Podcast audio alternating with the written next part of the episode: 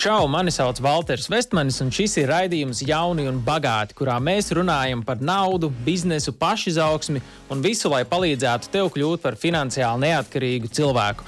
Un šajā raidījumā es aicinu uz sarunām interesantus un jaudīgus latviešus, kas sasnieguši foršas lietas karjerā, biznesā un arī privātajā dzīvē.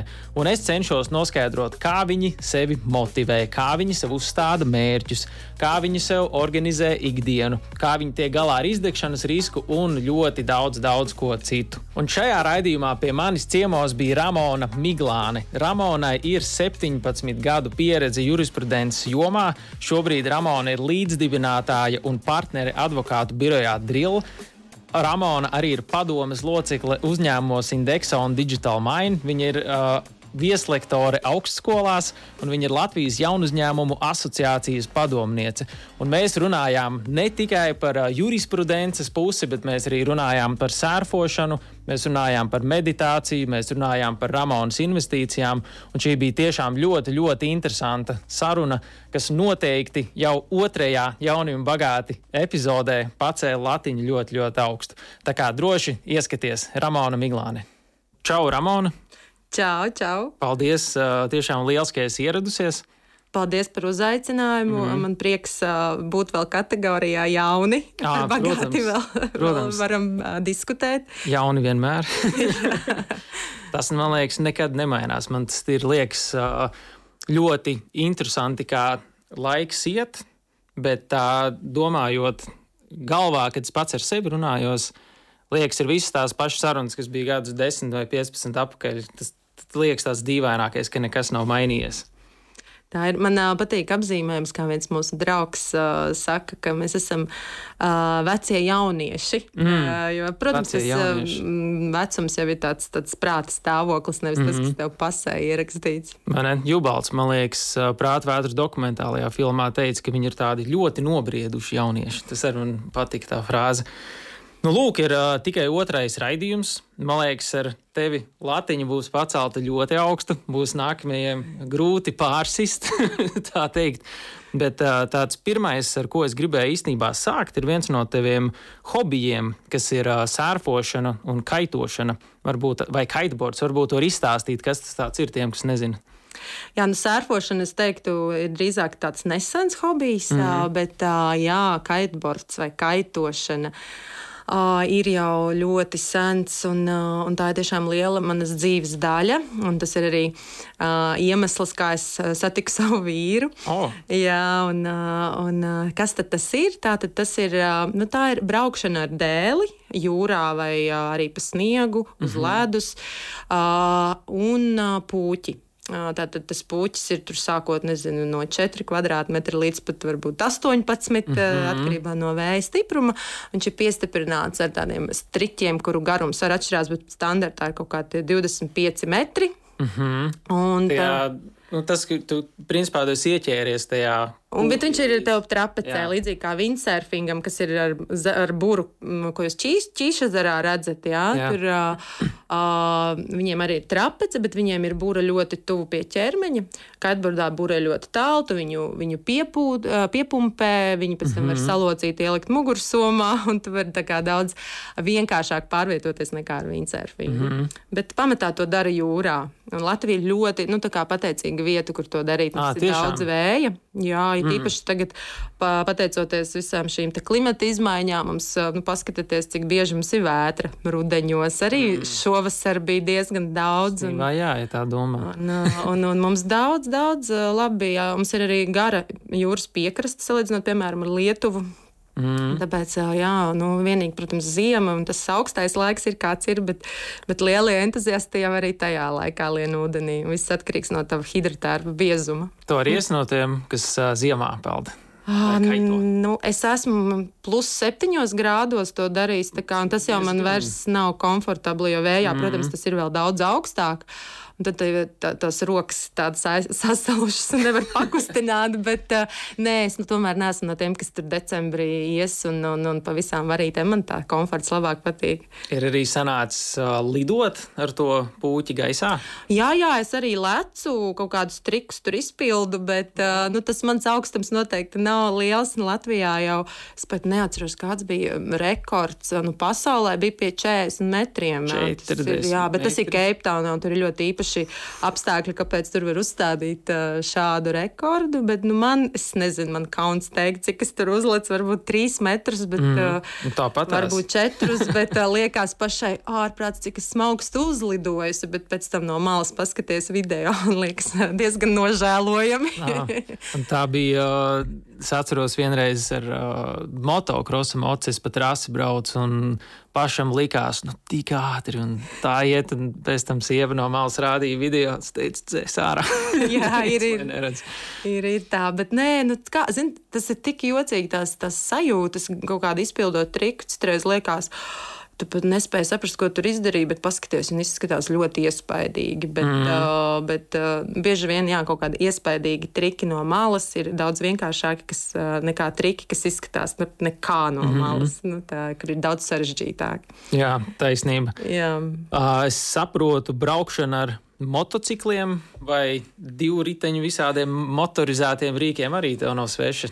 Nē, nu jā, es ar, ar Vespu uh, jau minēju, no 2006. gada sāku mm. braukt, jo es biju Itālijā un, un, un, un redzēju tur, tur visus, teiksim, cik, cik tur daudz ar, ar šiem te motoroleriem uh, vizinās. Man ļoti arī gribējās to darīt, un mm. Latvijā nevienam īsti vēl nebija Vespas, tagad jau viņas ir ļoti daudz, un tad es uh, iegādājos sev pirmo Vespu, uh, un, un, un tad, uh, jā, vizinājos, un vēl es atceros pirmajā dienā, kad es viņu dabūju, es braucu, mēs braucām trietā uz tā motorolera.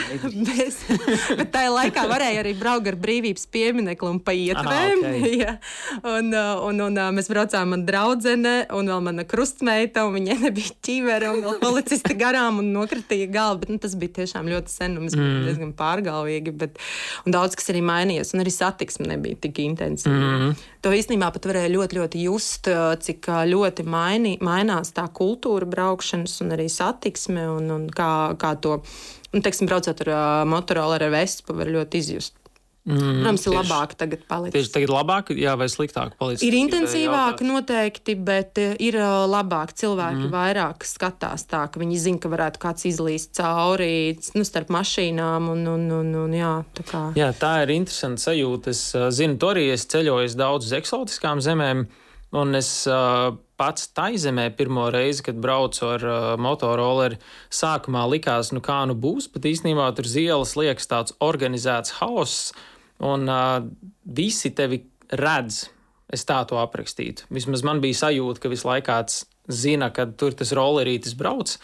Kamēr uh, Latvijā ir dažreiz vēl tā sajūta, ka tu jūties nedaudz neredzams, bet tad tu saki, ka laika gaitā tas ir uzlabojies. Ir labāk, jā, protams, bet nu, mans, piemēram, ieteikums, ja kāds domā par uh, motoroleri, protams, ļoti es atbalstu, jo tas arī mazina satiksmi un tas man liekas ir draudzīgāk, bet ir vienmēr jādomā ļoti daudz soļus priekšu un jā, jāmēģina paredzēt, ko kura mašīna varētu izdarīt tev. Nu, kā, mm. Jābūt gatavam reaģēt. Man, protams, ir visādas bijušas šo, šo gadu gaitā situācijas, bet uh, par tā aizem runājot, es uzreiz atceros labais, grūtais pagrieziens. Tas, ka tev jābrauc, jā. tas man likās pusē, nereāls. Tas, tas bija ļoti sarežģīti. Jā, nu, jā un runājot par vespām, man arī vienu brīdi bija vespā ar ātrumu pārslēgu. Tagad... Tas jau ir rīktīgs oldschools. Jā, jā, PX. Un, un tas bija ļoti interesanti. Es tā iemācījos braukt ar šiem ātrumiem, ka pēc mm -hmm. tam pamēģināju uz moto, motociklu un likās ar kāju vispār tik viegli pārslēgt, salīdzinot ar roku. Jā, okay, jūs ar roku nekad neesat slēdzis. Tas ir kājas sajūta, brauc, bet roku, tikai ar kāju.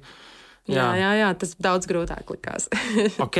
Mm. Un tad, uh, nē, man vispār, kāpēc es ar šo arī gribēju sākt, jo man tāds liels prieks uh, ir redzēt cilvēks, kas savā ziņā es pat sauktu to kā lauž stereotipus, jo 17 gadu jurisprudences jomā, advokāte. Um, cilvēkiem varbūt no malas var likties, nu, ka advokāts tāds ļoti lietišķs, staigā vienmēr pogātā kraklā, blūza, žakete un nedara neko jautru, bez mazai nedrīkst jokot.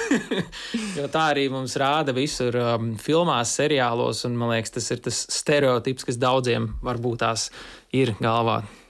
Jā, es piekrītu. Man, man ir prieks, ka arvien vairāk cilvēki šajā profesijā ir, ir ar savu citu šo radošo aspektu, mm -hmm. šo te, uh, autentiskumu. Un, uh, man, uh, es vienmēr ļoti novērtēju cilvēku šo autentiskumu, šo viņu īpašo mm. uh, kaut kādu angli, kā saka, jā, jā, personību. Un, uh, un man tieši liekas, ka nu, galvenais ir būt patiesam un tādam, kāds tu esi, un nemēģināt kaut kādā stereotipā, kā tu saki, iekāpt. Mm. Jāatzīst, ka pašā, pašā sākumā, kad es sāku strādāt jurisprudencē, man bija mazliet jācīnās ar to, ka tev jālauž stereotips, ka jauna, simpātiska meitene var būt arī jurista, un viņi mm. ir jāuztver nopietni. Es atceros, es pat apsvēru domu, ka varbūt man jāiegādājas brilles, lai gan ir brīnišķīga redze, lai man nopietnāk uztvertu. Tas ir diezgan briesmīgi īstenībā tā domā. Nē, nu, diemžēl, tāpēc, ka tas stereotips pirmkārt, protams, vispār par, par dzimumu lomu mm. un, un to, to nozīmi profesijās, un otrs, protams, par jaunību un jaunības aspektu. Tas bija tāds moments, kas, kas man uh, lika nu, dažkārt aizdomāties. Tad arī ar šo apģērbu, protams, varu sevi reprezentēt atšķirīgāk, bet, mm. uh, bet man ir prieks arī tagad redzēt, ka tas mainās, ka šim ārējam veidolam izskatam vairs nav tik ļoti liela nozīme kā tam saturam. Mm. Un arī klienti vairāk ir, kā es saku, mūsu vecuma arvien biežāk ir, mm. un, uh, un viņi novērtē, man liekas, tādu brīvāku stilu, brīvāku attie attiecības. Un, manuprāt, viņi arī novērtē to, ka tev ir kaut kādas citas šīs aizraušanās, kas parāda, mm -hmm. ka tu esi interesants cilvēks, ka tu neesi tāds galīgs sausiņš, tu vari domāt arī ārpus kaut kādas kastes, tu vari mm -hmm. kaut kādu radošāku risinājumu izdomāt. Jā. Pat, kā advokātu biroja partnere, es pieņemu, ka teorija tos ik pa laikam iesaistīta cilvēku noalgošanā, ka nā, kāds nāk pie tevis darbā. Tu arī skaties, nu, pievērs uzmanību, ko cilvēks dara ārpus, nu, teiksim, Viņš atnāk pie tevis darba interviju, ok, jā, ir visas tās profesionālās prasības, nosacījumi, kāda skola viņš ir beidzis, kāda pieredze, un tu arī skaties vēl papildus, ko viņš dara ārpus tā visa. Noteikti, jo mm -hmm. mēs jau vērtējam personību kopumā, lai saprastu, vai šī personība iedarēsies tajā mūsu kolektīvā. Mm -hmm. Tas ir ļoti, ļoti svarīgi, jo mēs, nu, izvēloties darbiniekus. Uh, nu, lai ir tā sinerģija. Jo ir, nu, teiksim, man ļoti patīk viens teiciens, ka tas darbinieks var būt ļoti, ļoti izcils, bet ja viņš būs tāds kā sapuvis ābols starp pārējiem, nu, kā, mm -hmm. kurš visu laiku bojā kaut kādu atmosfēru, nu, viņi ir jātiek vaļā. Lai arī viņš Jā. tev ir izcils, nezinu, naudas mašīna, bet ja viņam nav kaut kāda tā empātija pret citiem vai, vai nu, nezinu, kaut kādas tādas cilvēcīgas citas īpašības, tad jā, tas ir svarīgi un šie hobiji jau daudz ko parāda. Uh, Uh, es, es noteikti skatos, tas viennozīmīgi nav tas uh, galvenais. galvenais jā, tomēr, jā, jā, jo tu jau skaties kopumā, cik tas cilvēks ir drošs, cik viņš par sevi, nu, kā viņš prot sevi pasniegt. Un daudzas lietas, protams, zināšanas vispārējais, mm. bet uh, hobija, man liekas, ļoti daudz ko pasaka. Jā, es precīzi piekrītu, jo man bija saruna ar uh, vienu jaunu uzņēmumu uh, bijušo vadītāju. Un viņš arī tieši teica, ka viņi intervējot cilvēkus, skatās, ko tas cilvēks dara ārpus ārpus darba, ārpus skolas, jo viņam tā loģika bija tāda, ka jaunu uzņēmums ir šausmīgi strauji augoša vide, kur tev ir jāspēj konstanti pielāgoties, un tad uh, darbiniekos viņš meklēja nu, tās īpašības, ka tu redz, ka cilvēks pašizglītojās, viņš pats apgūst jaunas prasmes, viņam ir hobiji, ka viņš nu, visu, ko dara. Tas arī tā bija tāda sava veida indikācija, ka tas cilvēks arī varētu jaunu uzņēmumā izdzīvot un veiksmīgi augt, jo viņš nu, spēja vienkārši pielāgoties. Tā ir tā, tāda jā, forša lieta. Nu, jāatzīst, gan, ka tas tā, tas tā avantūra, pamēģināt visu laiku kaut kādas jaunas lietas, ir, jā, ir, ir līdz robeža, kādam jā. brīdim. Un tad vienā brīdī tu sasniedz, saproti, nu, viss ne, ir kaut kā jānobāzēs mm -hmm. pie kaut kā viena. Jo arī es ko tik nesmu darījusi, fotografēšanu, mācījusies, dīdžejojusi, nu, visu pēc jā. kārtas. Ja. Bet es esmu vienmēr atgriezusies jā, pie saviem šiem ekstrēmajiem sportiem, kas ir kiteboards. Man patīk arī kiteboardā tas, ka tu esi dabā, mm -hmm. absolūti atslēdzies. Tu tev nav laika domāt, īpaši, nezinu, ja tu 18 metros sekundē kaito, un tev ir nu, diezgan ekstrēmi tie apstākļi, mm -hmm. un, un tev nav laika. Tev ir fokus uz to, un otrs, protams, ko tas dod, ka tu ļoti pielāgojies katrai situācijai, jo kiteboardā nekad, nekad nebūs vieni un tie paši apstākļi. Piemēram, wakeboardā ir vieni un tie paši apstākļi. Es mm -hmm. arī mhm. veikoju, bet nu, pēdējos trīs gados ļoti maz. Bet kiteboards ir tāds, kas kas ir vienmēr kā, turējis. Un arī tas tāds mm. mūsu ģimenes kopējais uh, hobijs. Jau bērnu jau divos gados lieku pie puķa. Viņš pats īstenībā pieķērās. jā, jā, pati, forš. pati gribēja. Nākošā kiteboardista paudze. Jā, nu, tas nav viegls, bet, bet ļoti nu, īpašs sports mm. manā uztverē. Man uh, viens draugs, uh, kurš, kurš ir arī uh, Labiešu alstas dibinātājs, mm. uh, viņš ir uzrakstījis tā saucamo kaitu panku manifestu. Viņiem tāda apvienība okay. bija kādreiz. Un tur ir ļoti brīnišķīgs uh, teiciens par to, ka tikai kaitbordisti viens otru sapratīs, skatoties uz tiem koku galiem, kurus šūpo vējš. Ir tās sajūtas, kas tev uzreiz sirdī, nu to tikai tie, kas, mm. kas ar šiem te vēja sportiem nodarbojas, saprot. Ok, forši. Um, kā tu vispār nonāci līdz jurisprudences pasaulē? Jo tagad mēs runājām par visu, ko, kas neliecina par juristu, uh, jurista karjeru. Jā, uh, varbūt, bet uh, man bērnībā brālis, uh, kurš ir četrus gadus vecāks par mani, uh, viņš, viņam ļoti patika mm, sacerēt dažni dažādus dokumentus. Viņš, viņš bija jau ļoti fokusēts uz, uz nezinu, kaut kādu dokumentu sastādīšanu, valstu vadīšanu, nu, spēlējoties. Mm. Un, uh, viņš bērnībā uh, mēs spēlējāmies valstīs. Es tur pārstāvēju vienu valsti, viņš otru, un viņš mm -hmm. mūždien man uh, konfiscēja visus īpašumus, sastādot dekrētus. Un uh, no šīs te uh, veidojās, es teikšu, tāda varbūt vēlme tajā virzienā skatīties, un arī mm. otrs, nu, tālāk, protams, arī skolā tu vērtē, kādas ir tavas stiprās puses. Man diezgan labi padevās visas. Es tur uh, mums bija klasē iedalījums gudrākajos un uh, ne tik gudrajos. Jā, jā. Okay. Mēs tur gā, tajās grupās gājām, tad es, man uh, vismaz palēmies būt starp tiem gudrākajiem.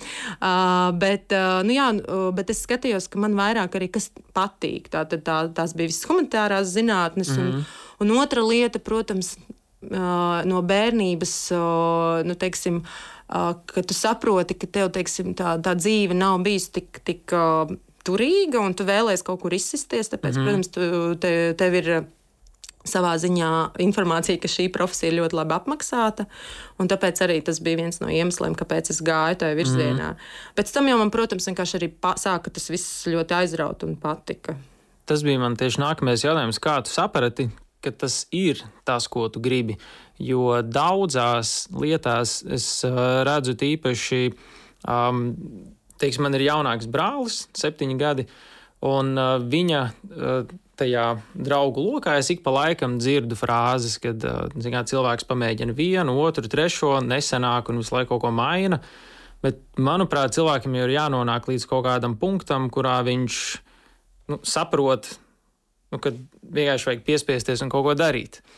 Un jautājums varbūt tu atceries, vai kurš tev bija tas brīdis, kad tu saprati, ka šis ir kaut kas, kur tu gribi iet dziļāk un uh, taisīt karjeru?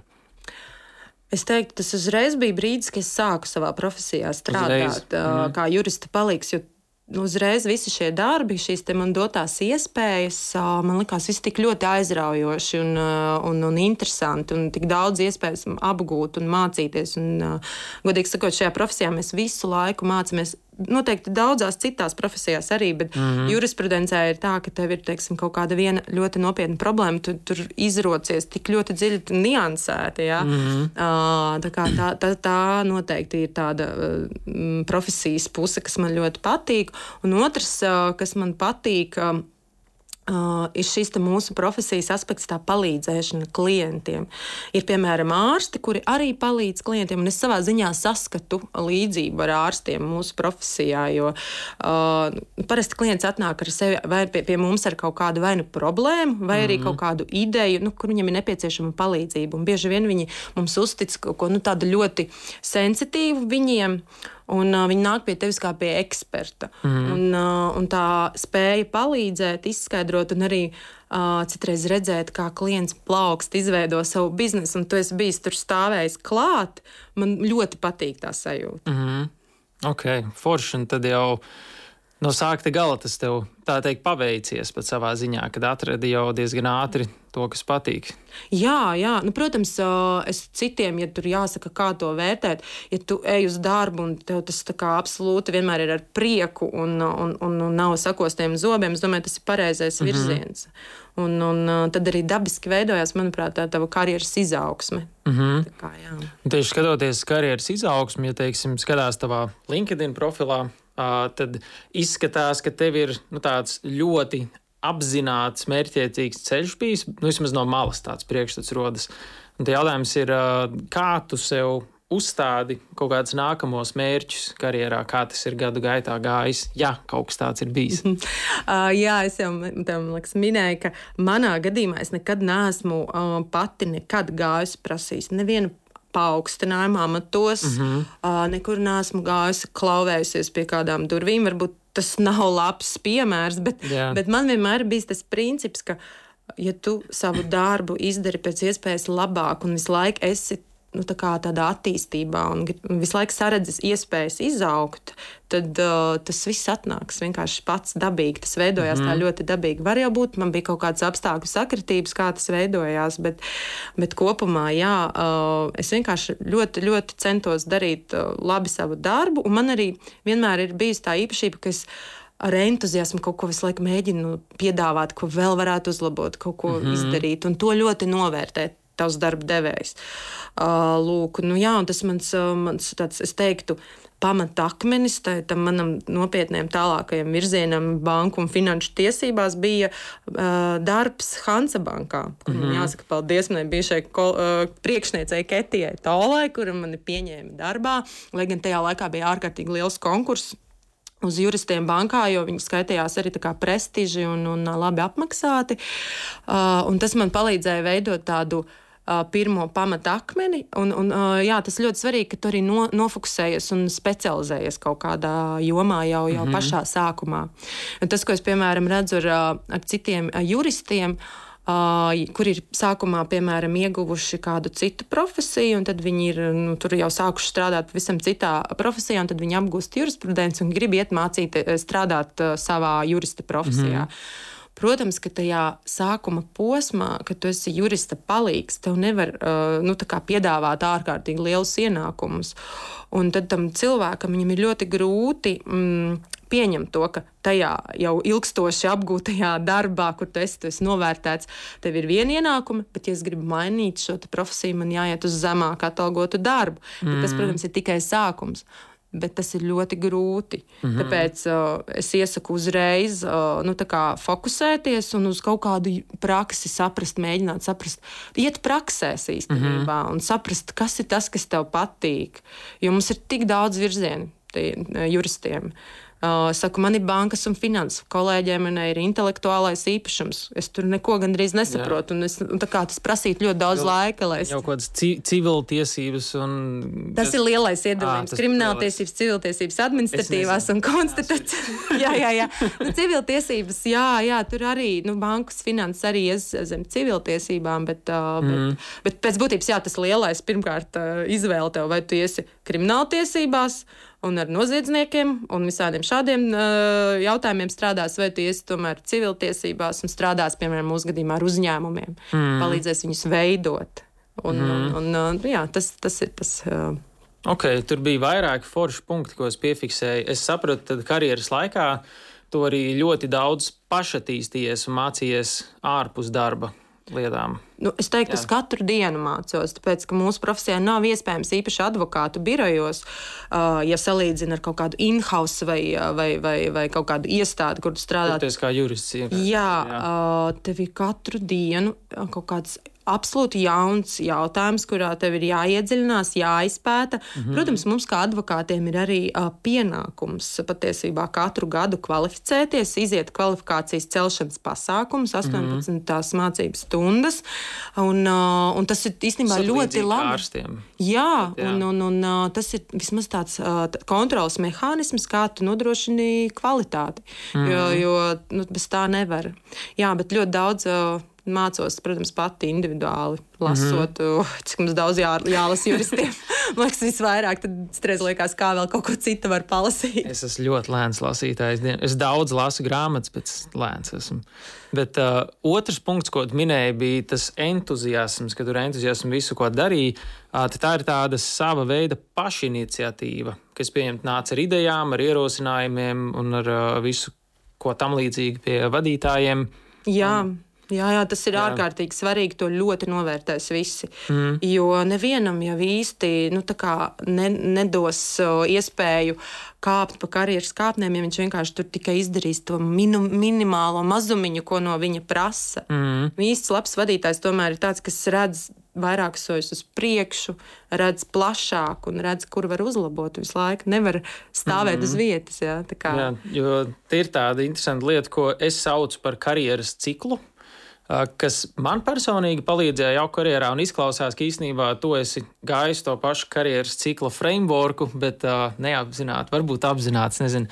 Bet uh, tur tā ideja ir, ka, uh, ja tu gribi tikt tālāk, vispirms tu attīsties ārpus darba, brīvajā laikā, tad tu kļūsti labāka darbā, un tad tu sāc darīt lietas papildus tiešajiem darba pienākumiem, kas ir savu veidu pašiniciatīva.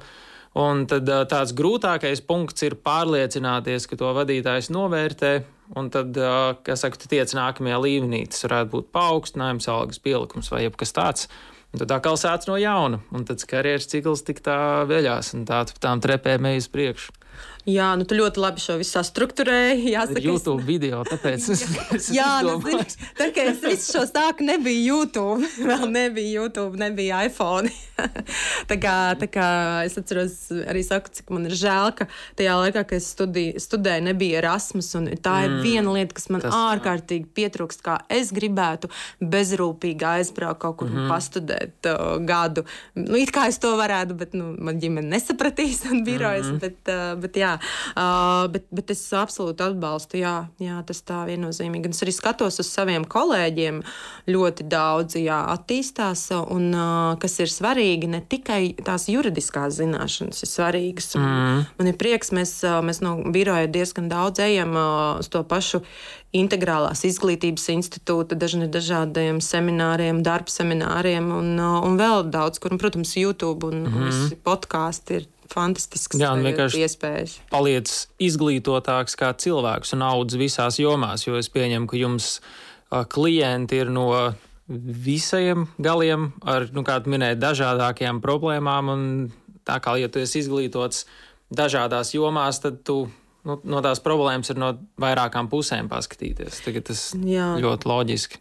Tieši tā, un tev ir jāsaprot dažnā, dažādi aspekti. Es, protams, nekad nevarētu būt eksperts, piemēram, finansēs vai, mm -hmm. vai mhm. grāmatvedībā, bet nu, plus mīnus kaut kas ir jāsaprot no tā visa. Jā. Un, un tas, kas vēl man ļoti manā profesijā patīk, ka ka tev ir iespēja strādāt ar ļoti augstu līmeņa vadītājiem. Jo parasti tie klienti, kas pie mums nāk, tie ir vai nu īpašnieki uzņēmumiem vai vadītāji. Mm. Un, un tad tu pieskaries tam viņa ģenialitātei arī savā ziņā un arī, ied, jā, iedvesmojies. Tu tā aizdomājies ļoti forši īstenībā. Jā, tā, tā ļoti brīnišķīga iespēja. Tu daudz vari mācīties arī no saviem klientiem. Mm.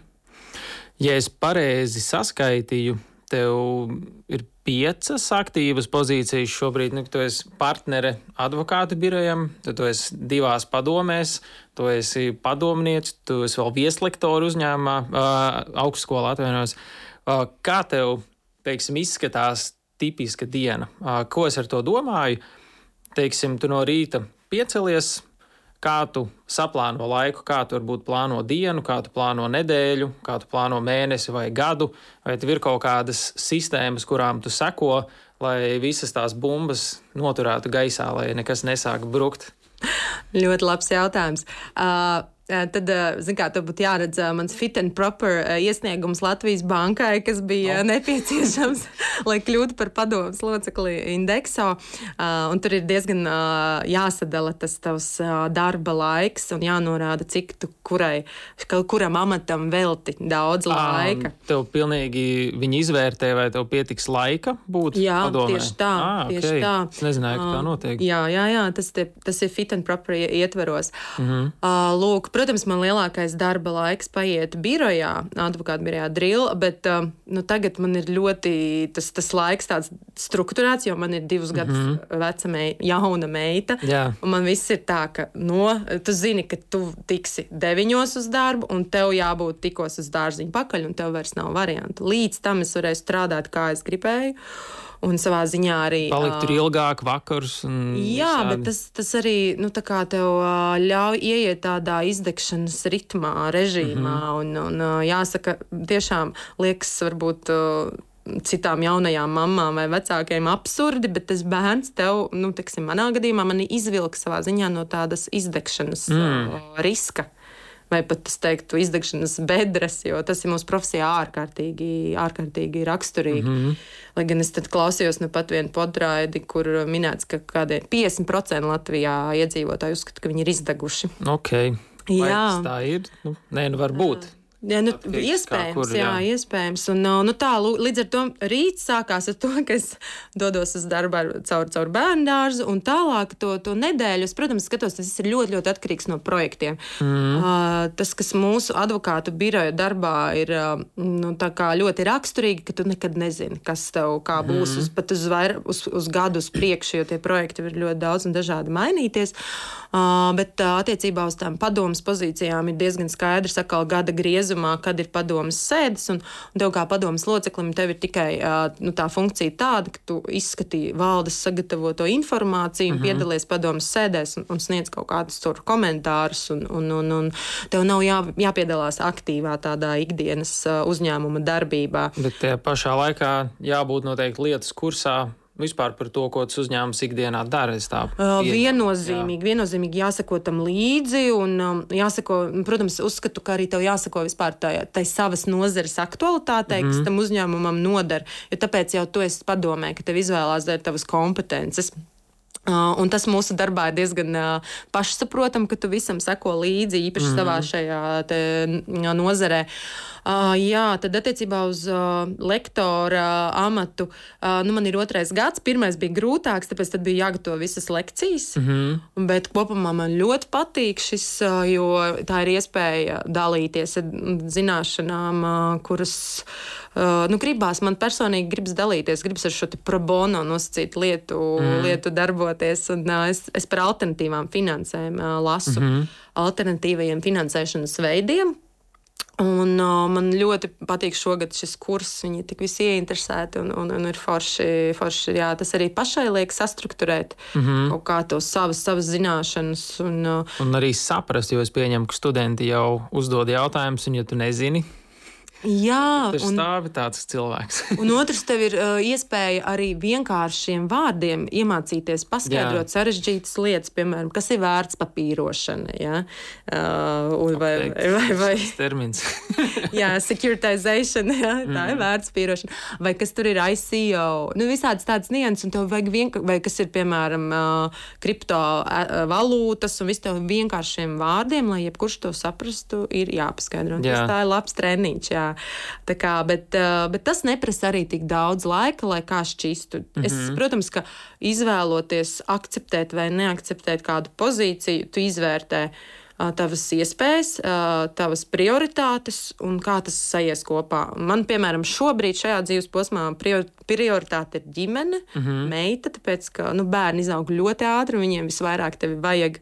Kad viņi ir mazi. Mm -hmm. uh, bet, protams, kā arī es negribu pamest novārtā šo profesionālo pusi, kas man ir ļoti svarīga. Mm -hmm. Un kā teiksim, ja tu, tu zini, tev ir tas no rīta jābūt vienā laikā bērnu dārzā, pēcpusdienā jābūt vienā laikā bērnu dārzā. Um, kā tu to dienu iemenedžē? Tev, teiksim, ir rīts uh, tikai ar sapulcēm, tad diena tikai ar uh, darbiem, kur tu viena pati fokusējies, vai, vai tu kaut kā šādi arī dali to visu? Tas ir ļoti labs. Jā. Um, es vienu brīdi tā plānoju, ka tu ieplāno teiksim, kaut kādu laiku, nezinu, pat grāmatas lasīšanai. Es uzliku atgādinājumu, ka man vajag 20 Jā. minūtes dienā lasīt grāmatu, vai man vajag tur uh, 10 minūtes dienā meditēt. Uh, Bet uh, jāsaka, ka šajā mūsu mm, citreiz advokātu ritmā nu, pieturēties pie tādas mm -hmm. stingras struktūras ļoti grūti. Bet es teikšu, ka nu, vajag, vajag. tas ir tiešām ļoti labs veids, un, un uh, tas ir plānošanas, plānotājā ieraksti mm -hmm. laikus. Un, un, un, un, un, jā, bet, bet par sapulcēm nu, grūti ir redzēt, tu pats jau zini, noteikti tās tā klientu pieejamība. Uh, viņi arī ir ļoti, ļoti aizņemti cilvēki. Un, nu, kā, tu nevari viņam pateikt, nē, es tagad pēcpusdienās vispār ne ar vienu net, netiekos, nav nekāda mītiņa, man vajag strādāt. Ja? Jā. Uh, nu, tu tā nevari. Tev ir jāpielāgojas klientam. Nu, bet jāatzīst, jā, ka kādreiz visproduktīvākais darbs bija tieši vakaros, tad, mm -hmm. visi ir aizgājuši prom. Jo man jau ne tikai es individuāli strādāju, strādāju ar komandām, es pārskatu darbus citiem, Un tur visu laiku ir kaut kāda tāda komunikācija, jā. Mm. un paralēli ir entie projekti.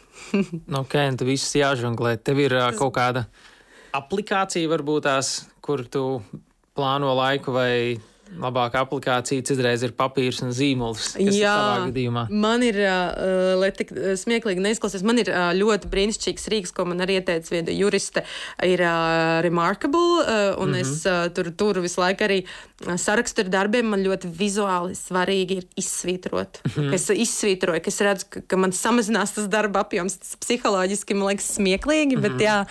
Nu, nu, protams, uh, ir, ir izmantotas dažādas asana un, un, un, un vēl tur daž, dažādas tās aplikācijas, bet uh, mūsu gadījumā man vienkārši kalendārs, kurā tu, kurā tu saliec lietas mm -hmm. un saplāno jā, un pieraksti. Jā. Okay.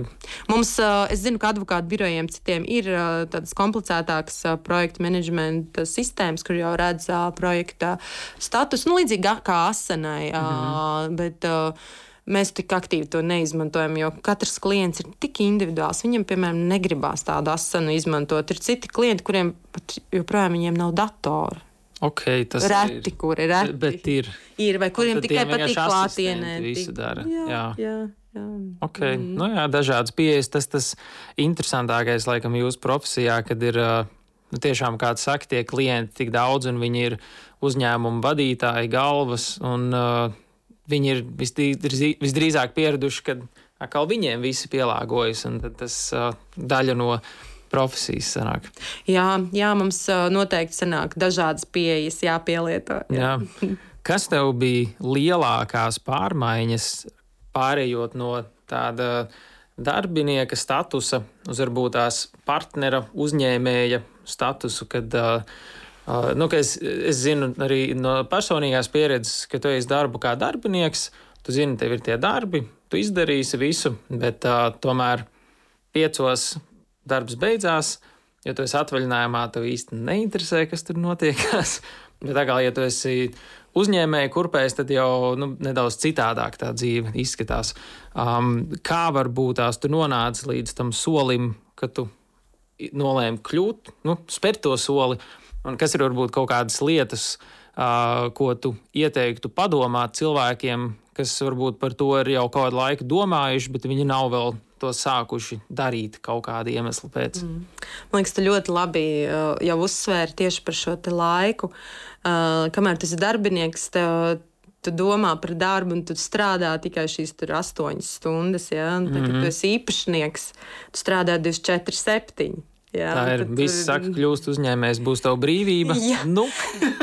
jā tas viss atkarīgs no, jā. protams, kā tu organizē darbus, bet uh, atgriežoties pie tā, kā es nokļuvu partnerībā, uh, es pati tā nebija tā kā mana tāda izvēle. Viss es tagad gribu būt partners, un es negāju neprasīju, bet mana esošā partnere Ieva uzaicināja mani mm -hmm. un manu otru partneri kolēģi pievienoties, un tas ir atkal tāds uh, brīnišķīgs pavērsiens, tev iespēja nu, būt tajā nākamajā līmenī. Un es mm esmu mhm. bijusi vienmēr no tiem, kas grib tajā nākamajā līmenī. Uh, Tāpēc arī es no bankas aizgāju. Man ir ļoti daudz kolēģi, kas tur joprojām strādā, un viņiem tas ir labi, un viņi ir stabilā, ērtā darbā. Bet, uh, bet es to nevaru absolūti salīdzināt, ko man ir devis profesionāli darbs kā advokātam. To nevar absolūti salīdzināt. Mm -hmm. Tas ir kā, nu, nākamais līmenis noteikti. Un, uh, un būt par partneri, uh, no vienas puses, jā, tev ir visu laiku par visu jādomā, kā jau tu zini, jāuztraucās, tev ir darbinieki, tava atbildība, tev ir mm. klienti piesaista, tava atbildība. Visi administratīvie darbi, kas, kas iet, ko, nu, kas, diemžēl, bez kā mēs nevaram, bet Bet no otras puses, tev ir brīvība. Tev ir brīvība noteikt visu šo te, uh, principus, uh, kāda, kādas tavā darba vidē uh, tiks ieviest. Tev ir mm -hmm. not, iespēja noteikt to virzienu, kur birojas ies. Uh, vai tā kā mēs veidojām vispār biroju šo te atdaloties no, no cita biroja, Fort. Uh, Uh, tev ir iespēja kaut vai pat domāt fil, fil, par, par filozofiju, mm -hmm. par nosaukumu, kas mums bija ļoti jā. drosmīgs. Mēs, mēs gājām, jā, urbt, urbis, jā, jā, tas ir urbt, jā, jā, mēs ejam dziļi savā, savā tajā uh, uh, praksē, savās jomās. Un, um, Un, no, no otras puses, protams, arī tev ir iespēja daudz elastīgāk plānot savu laiku. Uh, tu vari, nezinu, paņemt brīvāku periodu, tu vari paņemt atkal intensīvāku periodu. Viss, protams, tā ienākumi ir atkarīgi mm. no mhm. tā. Bet, protams, advokāta birojā esot partnerībā, arī ir tāda ļoti mm, vienojoša sajūta, jo partneri viens otru atbalsta un, uh, un, un, un viens par otru rūpējās. Un līdz ar mm. to, ja tu esi tikai viens uzņēmuma vadītājs, viens īpašnieks, tev ir daudz grūtāk, jo viss ir tikai uz tevi. Mm. Bet, ja tev ir brīnišķīgi partneri, kā tas ir manā gadījumā, tad uh, nu, tu vari arī uz viņiem paļauties. Un tu neesi mm. absolūti viens tajās, citreiz tajās grūtībās. Kā, mm. Tas arī ir tāds, tāds liels pluss. Un, um, jā, kā, bet es, es uh, nespēju vairs iedomāties, kā tas ir būt par darbinieku būt uh, noteiktās kaut kādos rāmjos. Jā, Jāklausa cita filozofija uzreiz. Jā. No vienas puses, jā, tas jā. varbūt ir nervus saudzējošāk, bet uh, manai būtībai tas absolūti neatbilst. Jā. Okay. Un, uh, kas tagad, skatoties atpakaļ, ir kaut kādas lietas, kuras tu domāji, o, ļoti labi, kad darījām šādi. Uh, vai arī kaut kādas kļūdas, ko tu pieļāvi, ko domā, ah, nu, būtu man kāds pateicis, būtu izdarījis daudz uh, efektīvāk vai kaut ko labāk. Labs jautājums. Kas būtu tāds, kā saka, padoms uh, jaunajam partnerim, kurš plāno par tādu kļūt? Noteikti rūpīgi izvēlēties savus partnerus un izvēlēties tikai un vienīgi balstoties uz kopīgām vērtībām. Mhm. -huh. Ja šīs vērtības sakrīt, viss būs ideāli. Ja vērtības līdz galam nesakrīt, tad, lai vai kā, nu, tur nebūs sinerģijas. Tā kā tas tas mm -hmm. ieteikums. Es domāju, arī īstenībā tas var darboties arī uz darba, darbiniekiem. Izvēloties darba devēju vai uzņēmumu, skatīties, kādas tur ir vērtības. Kas tam uzņēmumam ir, ir vērtīgs un ne tikai rakstiski, ja, uz, uz kaut kādās tur mm. manifestos, bet praksē. Jā, kā... Tas ir liekas, ļoti labs punkts, jo es zinu cilvēkus, kas ir bijuši vienā uzņēmumā, partneri, kur vienam primārais vienmēr ir bijis nauda, un otram primārais ir, protams, nauda arī svarīga, bet galvenais ir nu, tā latviešu runājot, nepiečakarēt cilvēku. Ar tam, kam nauda ir pirmajā vietā, nu, viņš tā ievērojami elastīgāks uz to ir. Un uh, tad, attiecīgi, tās vērtības nesakrīt, un cilvēki vienkārši nespēja nu, emocionāli sadzīvot. Mm. Jo viens grib iet vienu virzienu, otrs to virzienu negrib iet, un tad sākās šausmīgi daudz, man liekas, domstarpības uzreiz pa ceļam. Nu, jā, tās jau fundamentālas atšķirības noteikti. Jā, mm. Es jau saku, man ir paveicies, man partnerim. Es, man citreiz liekas, ka ir kaut kas jāizrunā, un tāds smags, smags jāizrunā ar viņiem, un mēs sākam runāt, un saprotam, mēs saprotamies vienkārši no pusvārda, viens mm otru saprotam, visi pašsaprotami. Tas nozīmē, jā, ka mēs esam tie tie pareizie cilvēki. Pareizi, jā. Jā, tas, tas ir tik vērtīgi. Lai gan mēs esam atšķirīgi, mēs esam ļoti atšķirīgi. Mums katram ir sava funkcija birojā, mm -hmm. bet, bet tās tādas pamatvērtības ir ļoti vienojošas. Mm -hmm. Uzņēmēji, kurpēs stress ir vairāk vai mazāk? Vairāk, protams. Vairāk. Protams, okay. tāpēc, ka tu atbildi ne tikai nu, teiksim, kā darbinieks, tu atbildi par savu izdarīto darbu. Protams, ir ārkārtīgi tur, izņēmumu apzinīgi darbinieki, kas, protams, arī skatās par tādu uzņēmumu kopējo mm -hmm. tur, tur, tur, nu, vērtībām un, un, un situāciju.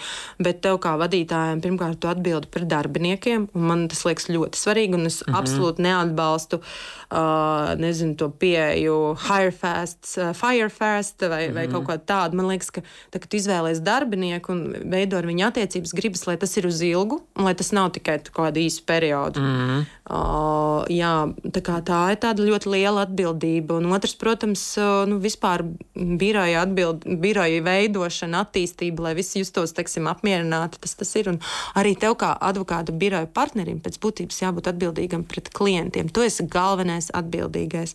Un ja tavs kāds kolēģis, darbinieks savārīs kaut kādas ziepes, mm. tev ir jāiet un, uh, un jāstāv pretī, uh, jāiet pie klienta, jāuzņemās šī atbildība. Uh, man nav ar to problēmas. Es vienmēr uzskatu, ka labāk ir nosaukt lietas īstajos vārdos, pateikt, kas ir noticis, un uzņemties atbildību un, un risināt. Mm. Uh, bet uh, bet tā, tā tas ir liels savā ziņā arī stress. Mm -hmm. Un kā tu tiec galā ikdienā ar stresu? Un izdegšanas risku varbūt. Šito nevar jaunajiem vecākiem jautāt, ja, kuriem ir visaugstākais izdegšanas uh, faktors. Bet uh, nu, es esmu šobrīd, uh, jāsaka, uh, likusi novārtā savas prakses, bet tās ir prakses. Un, uh, par ko arī brīnišķīgi māca tajā pašā integrālās izglītības institūtā. institūtā viņiem brīnišķīgs tāds četru posmu seminārs par, par vienu ir, ir par četrām inteliģencēm, un viena ir šī garīgā inteliģence, ko es nu pat arī nesen apmeklēju, atradu laiku brīnumainā kārtā, un tad uh, tur tiek arī runāts par to, ka cik mums ļoti ir jāstrādā tieši ar to sevis, teiksim, cik mums pret sevi ir jābūt patiesībā. Uh, rūpīgiem un, un jāieklausās sevi, mm. un kādā veidā to var darīt. Tas ir, un, un tur tiek piedāvāti šie rīki, un, manuprāt, viena no pamatlietām, protams, ir meditācija. Mm -hmm. Manuprāt, tagad jebkurā uh, podrādē, jebkurš vadītājs teiks, ka viņš meditē, ja? mm -hmm. bet, bet tas, tas tiešām ir ļoti efektīvi, jo tu esi nu, ar savu, tu mēģini vienkārši apturēt savus mm -hmm. prāta viļņus. Kā man jogas skolotājs teica, joga tā man ir hatha joga, mm -hmm. uh, kas ir, man liekas, brīnišķīga tāda fiziska prakse. Un, dienas grāmatas rakstīšana. Mm -hmm. Tā arī ir ļoti, ļoti vērtīga lieta. Nevis tu apraksti, ko tu ēdi, ko tu darīji, bet tu vairāk apraksti savas sajūtas. Un tādā veidā okay. tu kļūsti vērīgs. Un īpaši tu pievērsies kaut kādām tādām spilgtām emocijām kas tev mm -hmm. izraisīja kaut kādas negatīvas emocijas vai ārkārtīgi pozitīvas emocijas. Un tādā veidā tu sevi iepazīsti labāk. Un tikai tā tu vari uh, nu, tā arī par sevi gan parūpēties un, un tikt ar to visu galā. Un tādējādi saprotu, pierakstot tās lietas, tu nākošais nonākot tajā situācijā, pieņem viņas spēju labāk identificēt. Teiksim, šis tev radīs stresu, to pierakstīji, tagad tu atceries, ka tā situācija atkal rodās tu zini, ok, tas man radīs stresu, bet sevi nomierina. Es pieņemu tā kaut kāds redzes. Jā, nu, pirmkārt, jā, tev bieži vien stress vai, vai kaut kādas negatīvas emocijas rodās, un tu nesaproti. Tu vienkārši esi uzvilkts, dusmīgs, uz visiem mm. dusmojies, tev viss pasaule, viss slikti, tev viss garastāvoklis ir sabojāts. Uh, bet tur jau ir kaut kāds iemesls apakšā. Un bieži un pārsvarā jau gadījumos tas ir tavs, tava problēma. Neviens cilvēks patiesībā, nu viss tas ir kā uz tu to raugies un no mm -hmm. savas prizmas, un tev ir sevi jāieskatās un jāsaprot, kas ir tā lieta, tā ēna, kā, kā uh, Induls Paičs un Juris Rubens savās uh, mm -hmm. semināros stāsta, brīnišķīgi semināri, es visiem iesaku. Mm -hmm. uh, un, un, un, un jā, tikai tādā veidā tu vari uh, arī sev tādu iekšēju mieru iegūt. Bet uh, vēl viena svarīga lieta, protams, ir atrast laiku sev uh, un arī patiesībā ar savu ģimeni, kas tevi spēcina šis mm -hmm. laiks un būt dabā. Daba ir arī ārkārtīgi svarīgs tāds. tāds resurs, kas mums te Latvijā ir tik brīnišķīgi pieejams un, mm. un, un var, var to teiksim, uzņemt labā, Saka, tas pats sērfs Liepājā. Es vasarā dzīvoju Liepājā, jo manā uzturē nav labākas vietas vasarā kā Liepāja. jā, uh, Liepājnieki priecājās. jā. nu, tas savā ziņā saistīts arī, protams, ar to mm, kaidabordu un mm. sērfu. Bet arī uh, es pateikšu, godīgi, man liekas, ka tai pilsētai piemīt tāda, tāda brīvdomātāja gars absolūti. Tur mm. ir tas, mhm. tas rokenrols nāk no liepais, tas ir roks, tā brīvība un, un tos cilvēkos es jūtu uz ielas tu to var sajust pilsētā visur. Un, uh, un ļoti man, man tā pilsēta pēc uzrunāja īpaši vasarā, un arī tā arhitektūra un dabas tuvums un īstā jūra, nevis līča jūra. Un, atšķirība ir tad, es esmu atbildījis jūtu īsto atšķirību. Jūtas, Protams, viss taču brauc skaitot uz rietumkrastu, kad ir mm. īstie viļņi un vētra, un nevis te līcī. Nē, ir jau ar te līcī forši. Mm. Bet, um, Bet, jā, es varētu būt uh, liepājis uh, kaut kāda vēstnese. Uh, nu, lūk, un, un, uh, un tur arī tā būšana dabā ir uh, nu, tik pieejama, un, un tāpēc vasarā es vienmēr jūtos daudz labāk, tāpēc ka uh, nu, tas vairāk ir dabā. Un, mm -hmm. Tā kā ziemā es parasti jūtos tā sliktāk, varbūt ka daudz vairāk telpās atrodies. Un, un, un, un, jā, nevelti es arī absolūti piekrītu staigāšanu basām kājām. Uh, tas saucamais nu, grounding, kad tu, kad tu uzņem patiesībā to, tos, to enerģiju. Ja, no, Un, un, un tur ir, ir reāli zinātniski pētījumi, ka tev var samazināties tur, tur dažādas saslimstības. Šis ir interesants. Es ar, ar savu sporta treneru Gintu Valdmanu arī runāju. Es arī viņu gribu dabūt kādu no raidījumiem, vēl nav sanācis saskaņot laikus, bet uh, viņam bija Par dabu runājot, līdzīgs komentārs. Viņš jau tagad ļoti ilgu laiku oficiālā vairs uh, nestrādā. Viņš uh, principā darās ar saviem projektiem. Un viņš teica, ka viņam, viņam bija ļoti spiedoša tā sajūta, kad tu uh, sēdi cilvēku izveidotā krēslā, pie cilvēka izveidota galda, skaties cilvēku izveidotā datorā, un ka tas nekas no tā, ko tu redzi apkārt, nav nu, tāds īsts vai dabisks. Uh, Un uh, viņš arī sarunās ir stāstījis, ka viņš nu, to kaut kādu brīvību atrod nesot ārā, ka uzreiz tā ir cita sajūta. Un tev, nu, dabiski uzreiz cilvēkam liekas, nu, ka tas ir kaut kas, kas tev vēl klāt. Tas, jā, makes sense latviešu runājot, ka tas uzreiz tev dod to enerģiju. Nu, kaut vai pamēģini pasēdēt telpā, kurā nav logi, mm. kur tu mm. neredzi debesis. Kā šeit, piemēram. vai ne?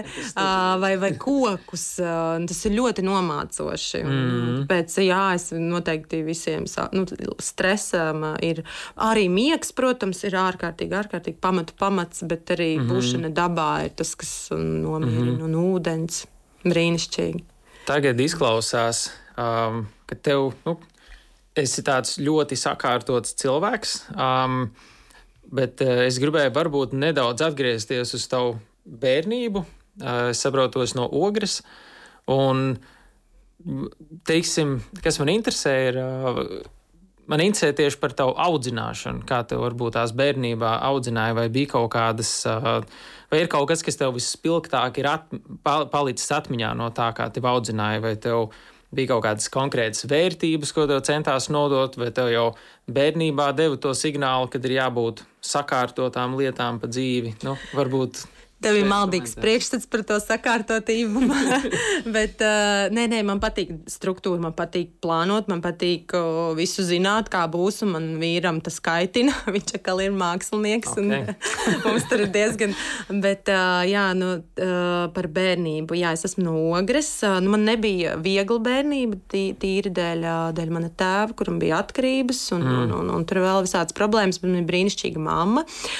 Un, un, un, bet viņa man vienmēr deva absolūtu brīvību, un viņa man absolūti uzticējās un mīlēja. Un tas, tas iedod arī tādu spēku tev nākotnē nebija absolūti nekāda kontrole. Lai gan es citreiz pie sevis domāju, vajadzēja viņai mani pakontrolēt, lai es tik ātri neju tur uz ballītēm vai, Jā. vai tur nesāku draudzēties, nu, tur jau nopietnās attiecībās. Bet, bet nu, es atvainojos, ka nu, es esmu tur, kur es esmu. Es neesmu galīgi kaut kur kādā renstelē. Vai, vai, vai, vai. Izties, ka mamma zināja, ko dara. Jā, un viņi man saka, ka tas ir tāpēc, ka viņu kā ārprātīgi kontrolēja un tur, tur tos stāstus, ko viņi man stāsta par savu mm -hmm. bērnību tāpēc viņa gribēja iedot man to, kas, man, kas viņai nebija. Un, Un man mamma bija ļoti, ļoti daudz strādāja, protams, un mēs tādā lielā arī nabadzībā, nu, ne, ne lielā, bet nu, nabadzībā dzīvojam, kā jau īstenībā ļoti daudz, tur 90. sākums, 80. beigas. Tas, tas bija smags periods, īpaši, ka manā māte vēl palika viena, mūsu audzināta. Mm -hmm. un, un, un tas arī deva tādu lielu uh, gribu, gribas spēku izsisties dzīvē, sasniegt kaut ko. Uh, lai gan uh, jāsaka, ka man nekad nav nauda, teiksim, bijis tāda, tāds ārkārtīgi svarīgākais Kā mērķis. Jā, jā, absolūti nē. Bet kaut, ko, kaut kur, lai gan tāpat laikā, um, es uzreiz pateiktu, varu, ka šis te, nu, tēvs, alkoholiķis un, un, un arī varmācīgs, viņš iedod, diemžēl, tev kā personībai tādu nu, tā ceļa maizi, ka tu nekad neesi līdz galam drošs. Mm -hmm. Tu vari pelnīt, cik tu gribi, tu vari strādāt neskādos darbos, bet tu nekad nebūsi līdz galam tāds drošs savā dzīvē. Un tā drošā piesaista, par ko mēs tagad, īstenībā tagad pēdējā laikā tikai bērnu audzināšanā par to. Tā, tā daudz runāts ir, ko es tagad savai, savai meitai tā ārkārtīgi cenšos iedot. Ka tā pasaule ir droša vieta, ka tev -hmm. viss būs labi. Un, lai gan uh, tu centies, un es esmu kopumā kā personība ļoti pozitīva, un uh, tur, tur pēc enneagrammas varbūt es dzirdēju, uh, skaitos uh, uh, dzīves baudītāji. Mm. Ja? Un, un, un, un tas ir forši. Mēs jau piedzimstam ar to savu personību, bet, bet šī ir tāda lieta, kas, kas velkās un ar to. Es nezinu, tur ir, o, tu vari iet terapijās, tu vari strādāt, bet līdz galam tu nekad netiec galā. Mm -hmm. Jo tā kā man ļoti patīk arī pēc Junga ja, par, par par vispār par cilvēku attīstību.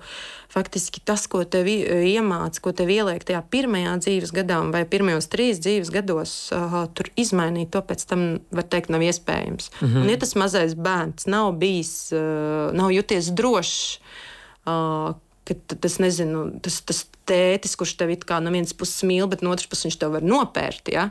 Tad, mm. uh, tad, protams, ka mm, tev visu mūžu pēc tam ar to ir jātiek galā. Bet ir svarīgi, ka tu apzinājies un, jā. un ar to strādā. Ja?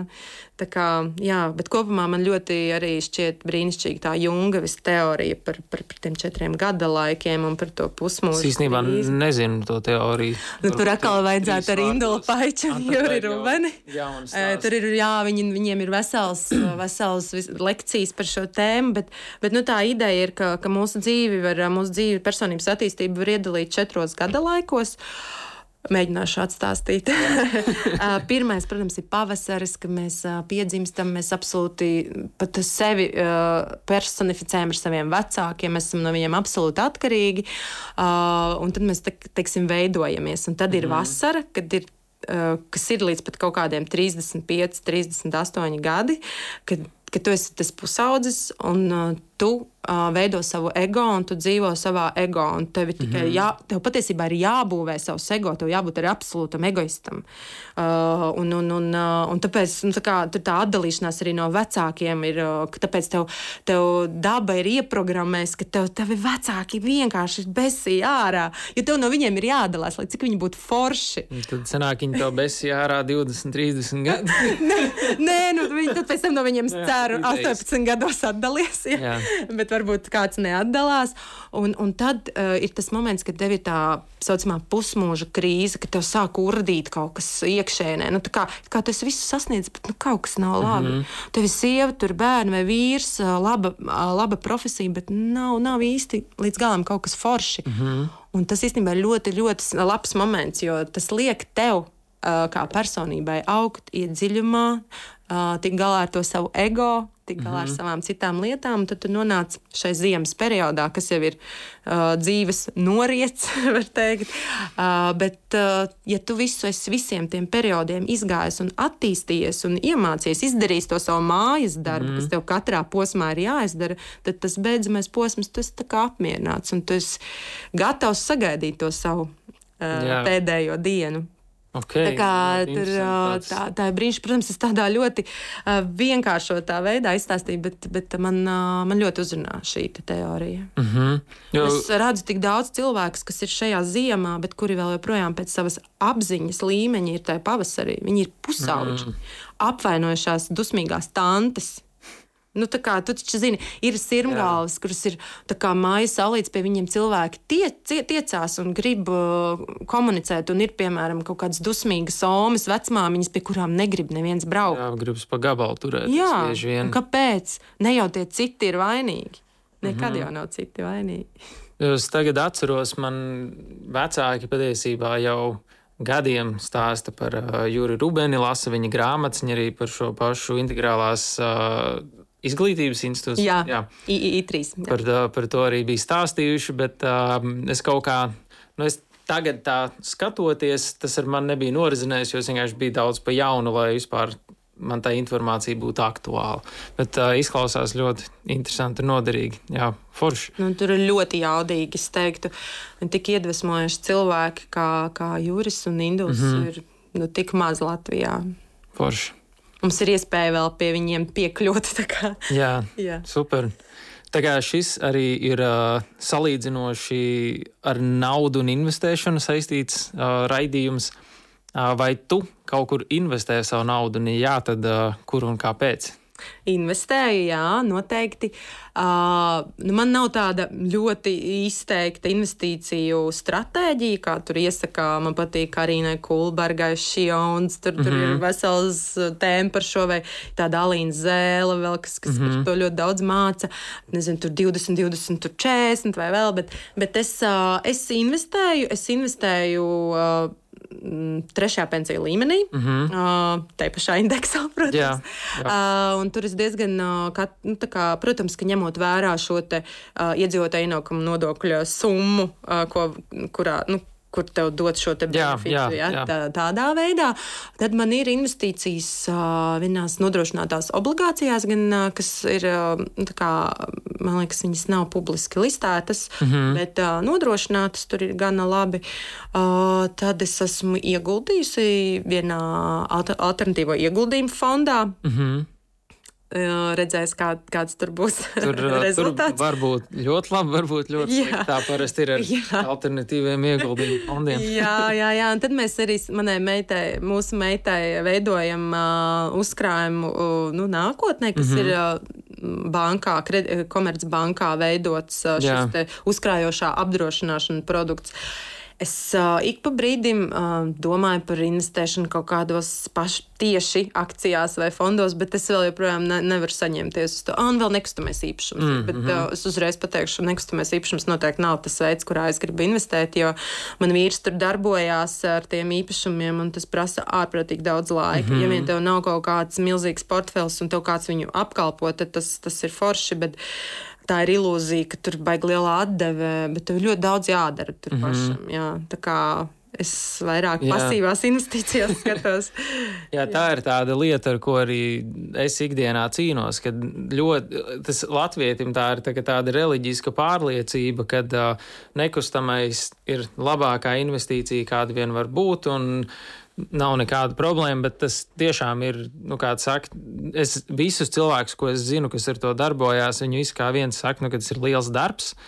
Un uh, patiesībā jau atrast, teiksim, finanšu tirgu, kā investēt, nav tik sarežģīti, ja tu zini pāris lietas un spēj norientēties, bet nu, tas atkal prasa kaut kādu lielāku izglītību, jo saprast, kas ir dzīvoklis un kas ir īres nauda, nu, ir viegli saprast, saprast kā, kas ir akcija obligācija, kas ir ilgtermiņā labs rezultāts, kas ir komisijas, un tad vēl virkni lietām. Mm. Tas reiz jau sarežģītāk, bet tas tāds angliski tāds labs teiciens, ko man patīk teikt, it's actually really easy once you understand it.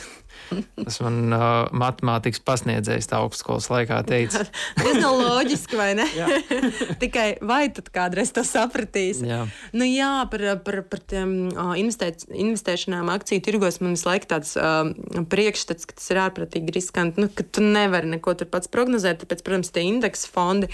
Nu, man ir mhm. jāsaņemās. Man citreiz vienkārši, es esmu cilvēks, kam gribas iedziļināties. Es nevaru tā vienkārši, mm -hmm. oh, kāds tur teica, vai investējam. Man gribas bišķiņi iedziļināties un pārsvarā tām investīcijām nu, stāv aizmugurē cilvēki vai uzņēmumi, kam tu kaut kā notici. Un, mm -hmm. un tad, tad, tad, tāpēc es veicu investīcijas. Mm -hmm. Nu, individuālās akcijās jau arī tas ir patiesībā baigais darbs. Tiešām uztaisīt to due diligence, tā saucamo, lai mm. zinātu, nu, kas tas ir, kur tu lien iekšā. Tādā ziņā, ja izvēlēties tādu plašu fondu vai to pašu trešo pensiju līmeni, tur jau tev tā izpēte jābūt, ir, nu, viņa var būt ievērojami mazāka, jo tur tie riski ir vienkārši kā, sadalīti.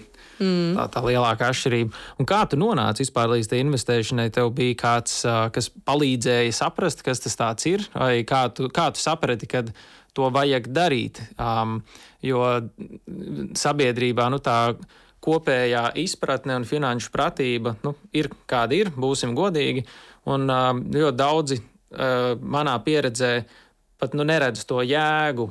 Kāpēc vispār kaut kur to naudu likt, ka liekas, ka tas ir kazino, un tad es labāk ar to nemaz nenodarbojos. Kā tu varbūt nonāci līdz, šim, līdz šai atziņai? Mm. Nē, nu, pirmkārt, jau, lai līdz tam nonāktu, jāparādās kaut kādiem brīviem līdzekļiem, kurus tev nu, īsti nav nekam nepieciešams. Mm -hmm. jā, un, uh, Un, un tad tajā brīdī tu saproti, ka tas ir tik nu, bezjēdzīgi turēt vienkārši kontā šos naudas līdzekļus, kurus apēda inflācija. Nu, tā kā mm. absurds. Un, un, un, protams, ka bija arī kaut kādas situācijas, kur mani uzrunāja tie paši nu, teksim, uzņēmumi, kuri, kuri meklē šos investorus. Mm -hmm. Uh, un, un tev uz, man uzrunāja teiksim, tā iespēja. Un, uh, Uh, trešais pensiju līmenis, jā, es tiešām arī tam ticu. Es klausos arī uz pod podkāstus mm -hmm. par mhm. šo tēmu. Un, un ir skaidrs, es neceru ne uz kādu pensiju. Un es saprotu, ka ir jau diezgan, nu, tiksim, ir jāsāk ātri par to domāt un, un, un kaut vai nelielu daļu savus ieņēmumus mm -hmm. tam novirzīt, kas tev vispār, ko tu pat nejūti tā ikdienā, kad mm -hmm. tā nauda nav. Un beigās tu paskaties, un, un skaties, nu, foršs forš uzkrājums jau ir izveidojies. Man patiesībā, kaut, es, kas strādāju tajā pašā Hansa bankā, viņi bija uh, vadošiem darbiniekiem uztaisījuši to trešo pensiju līmeni. Mm -hmm. Es biju viņu aizmirsus, un tas kaut kad iegāju, pasties, wow, nu, forši tur izaudzis tomēr no 2007. gada. Nu, mm -hmm. gan, gan daudz varēja, varēja nu, tas pieaugums bija kapitāla. Mm -hmm. Tā kā, man liekas, jā, diezgan bezjēdzīgi turēt kontā, bet man ir visu laiku arī tāda zināma dilēma, jo man ir arī, uz manis ir arī hipotekārais kredīts. Mm -hmm.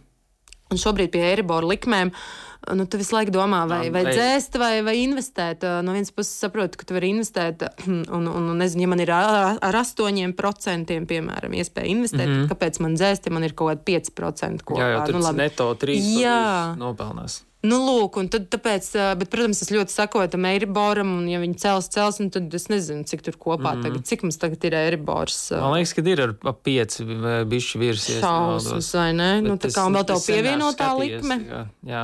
Tā kā, jā, tā kā jau, jo man nezinu, būs tuvu seši. Jā, tagad, man, man gan labi tā pievienotā likme, bet, bet nu, tādā ziņā jā, tad ir jādomā, vai dzēst vai, vai kā. Jā, nu, man bija tas princips arī, kā, lai tev tas ienākums no, piemēram, no obligācijām šajā gadījumā nosedz manu ikmēneša maksājumu hipotekārajam. Mm -hmm. Ja man nosedz, tad tas ir baigi forši, tu nejūti. Iedomājies, tava nauda tev nopelna tik, lai tu nu, samaksātu absolūti to, to kredītu mājā. Mm -hmm.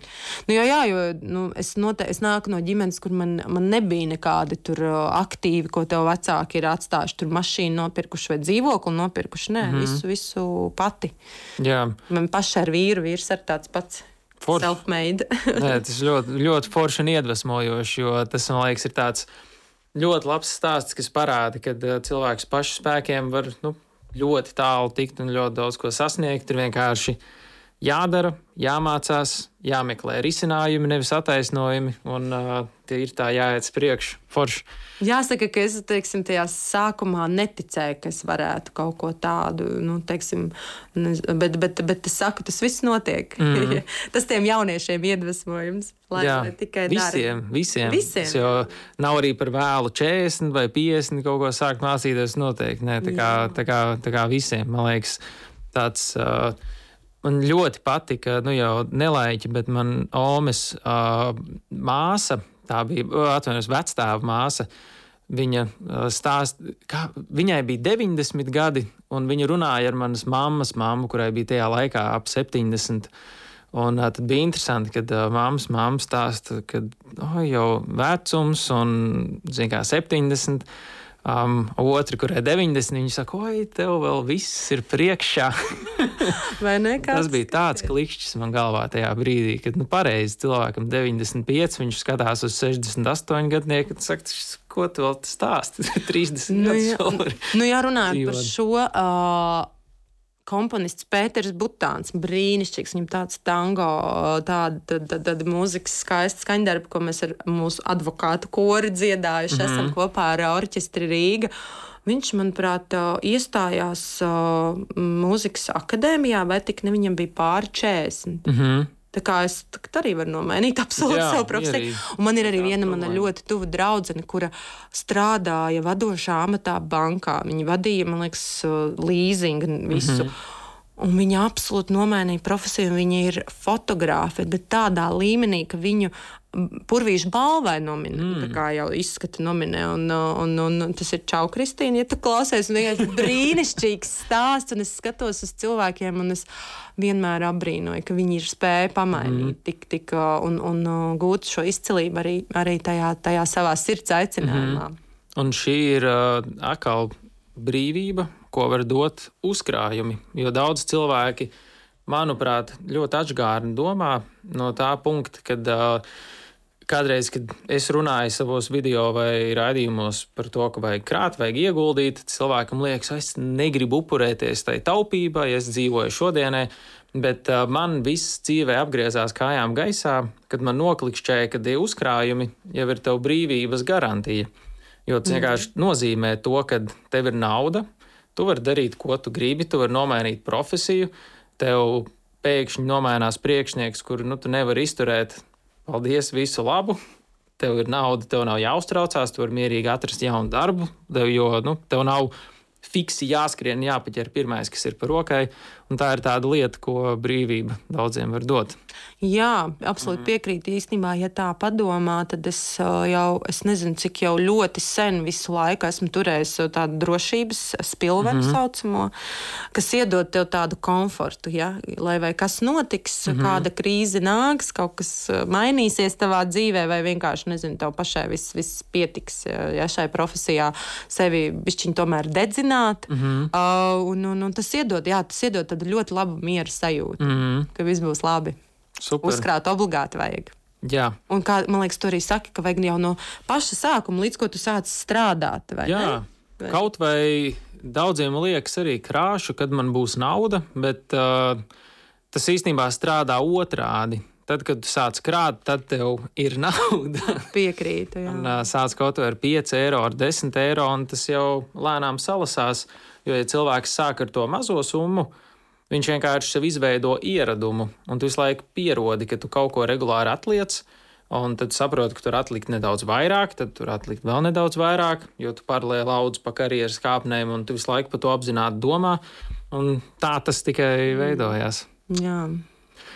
Jautājums, ar ko es nobeidzu visas uh, raidījumus, ar ko es plānoju nobeigt, um, vai tev ir kāda viena grāmata vai filma, vai varbūt citāts, ko tu dzirdējis, ar ko tu dalījusies visvairāk, vai kolēģiem, vai biznesa partneriem, vai ģimenei, vai draugiem, kas tev varbūt ir palīdzējis nokļūt uz tāda pareizā ceļa, ja to tā var aprakstīt. Zini, es laikam klientiem tā nedalos tik daudz ar grāmatām, bet, bet man pašai, uh, uh, es lasu arī, protams, šīs visas personības izglītojošās grāmatas. Man patika Subtle Art of Not Giving a Mm -hmm. Šādā, šāda te, temati, bet uh, man tomēr laikam daļa literatūra ir tā, mm -hmm. kas uh, liekas visiedvesmojošākā. Un, Un tā, ko es visiem iesaku, vienmēr man jānosauc, tā ir Džeroms, kā Džeroms, trīs vīri laivā. Mm -hmm. Es lasīju, brīnišķīgi, īpaši oriģināla valodā, kas ir angļu mm. valodā, uh, grāmata, kurā man ārkārtīgi patīk tas britu humors. Un, mm -hmm. uh, viņi it kā ir par neko, bet tāpat laikā par tik daudz dažādiem šiem aspektiem. Bet tieši tas, tas humors un kā tu vari caur dzīvi, uz dzīvi paskatīties dažādi, mm -hmm. tā ir mhm. ārkārtīgi brīnišķīgi. Un, un, un no, grā, no filmām, ko es arī vienmēr iesaku, uh, ir ļoti sena filma. Man liekas, kaut kāds jaunzēlandiešu režisors ir mm -hmm. Vaļu jātniece.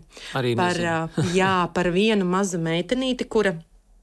Uh, kura piedzimst uh, Jaunzēlandē kaut kādā tādā ciltī, Un viņas vectētiņš ir tās cilts vadonis, un viņa mm -hmm. ar mhm. savu brālīti, tur ir divi, viņi ir piedzimuši, un tas brālītis iet bojā. Un, mm -hmm. un, un, un viņai tagad ir jābūt tai pēctecēji, un, un, un tur ir tā, tas stāsts par to, ka visu laiku to ir darījuši vīrieši, un tagad viņai kā mazai meitenītei ir, ir, ir tas jādara, un viņu nepieņem, un, un tas vectētiņš viņu īsti nepieņem. Un, un, nu, kā, nu, tas ciltī bija ierasts, ka tas ir vīrietis, un tā nav tā meitene, bet, mm -hmm. bet viņa un viņai ir tās spējas, un viņa ir. Um, Uh, viņai ir īpašas spējas ar, ar, ar šiem vaļiem sarunāties, jo šeit ciltī ir ļoti svarīgi šie vaļi. Viņi ir skaitās, ka viņi vēsturiski ir atpeldējuši to mazo salu uh, ar, uz vaļiem, vaļu mugurā. Mm -hmm. un, uh, un tad ir uh, situācija, kur tie vaļi ir uh, izsaukti kaut kādā veidā, izpeldējuši krastā, un viņi parasti mirst. Jūs zināt, mm -hmm. nu, ka mhm. viņi, viņi metā, es neatceros kādu iemeslu dēļ. Jā. Un, uh, un tad uh, viņa pielieto šīs savas maģiskās nosacītas spējas, ar viņiem sarunāties, sakomunicēt, un tad viņi kaut kādā veidā viņus atpakaļ dabūja jūrā. Man viņa bija tik ļoti emocionāli tāda tuva un arī joprojām tagad runājot, uh, laikam par to, ka tas ir tik milzīgs spēks varbūt tādā mazā vienā cilvēkā un arī sievietē, mm. mazā sievietē, ja, ka viņi var daudz ko arī sasniegt. Super! Nevarētu labāk nobeigt. ja cilvēki grib kaut ko vairāk par tevi uzzināt, kur viņi var tev piesakot, varbūt tās, ja ir kādas lietas, kur tu Nu, jā, man, jā, man ir Instagrams, jā. bet uh, Instagramā es esmu, bet es tur tā kā viss neakceptēju. Bet jā. LinkedInā viennozīmīgi mm -hmm. tur es mhm. visas profesionālās lietas, uh, no aktuālākās lieku. Un, nu, tad var mani satikt arī kaut kur, kur ir puķi un jūra un vējš un liepā. Jā, tā kā droši var rakstīt. Mm -hmm. es, uh, es tiešām īstenībā esmu ļoti tāda atvērta. Man patīk uh, daudz mhm. dažādas mm -hmm. uh, jaunas lietas, iepazīšanās. Uh, un, uh, jā. Super, kā mēs iepriekšējā raidījumā ar Miku galveno uzkurinājumu panākumu atslēga bieži vien ir stratēģiska tusēšana. Tā kā kāds grib varbūt tās iepazīties ar advokātu biroju partneri, sāc mācīties kaitot. Man ārkārtīgi patīk, varbūt eh, pie nobeiguma. Man vīrs vienmēr saka, ka uh, do every day something that scares you. Mm, un, uh, un tā ir īstenībā ļoti laba lieta, ka tev bišķiņ kādreiz ir jāpārkāp sev, mm -hmm. uh, jāizdara kaut kas, ko, ko tu saki, nu nē, nu varbūt es to nedarīšu, bet tā aizēja uzrunāt to cilvēku. Mums īpaši latviešiem tas ir tik, jā, tik grūti. Nu, kā, jā, un īstenībā aizēja un uzrunāt, nezinu, to, to veco interesanto vīru, kas tur sēž un, un kaut ko dara. Brīnišķīgi, mm -hmm. tur var būt tādas labas, vērtīgas sarunas. Liels tev paldies, ka atnāci. Man liekas, bija ļoti ļoti, ļoti interesanti un vērtīgi. Paldies, ka uzaicināji. Bija tiešām Jā. ļoti vērtīgi arī man.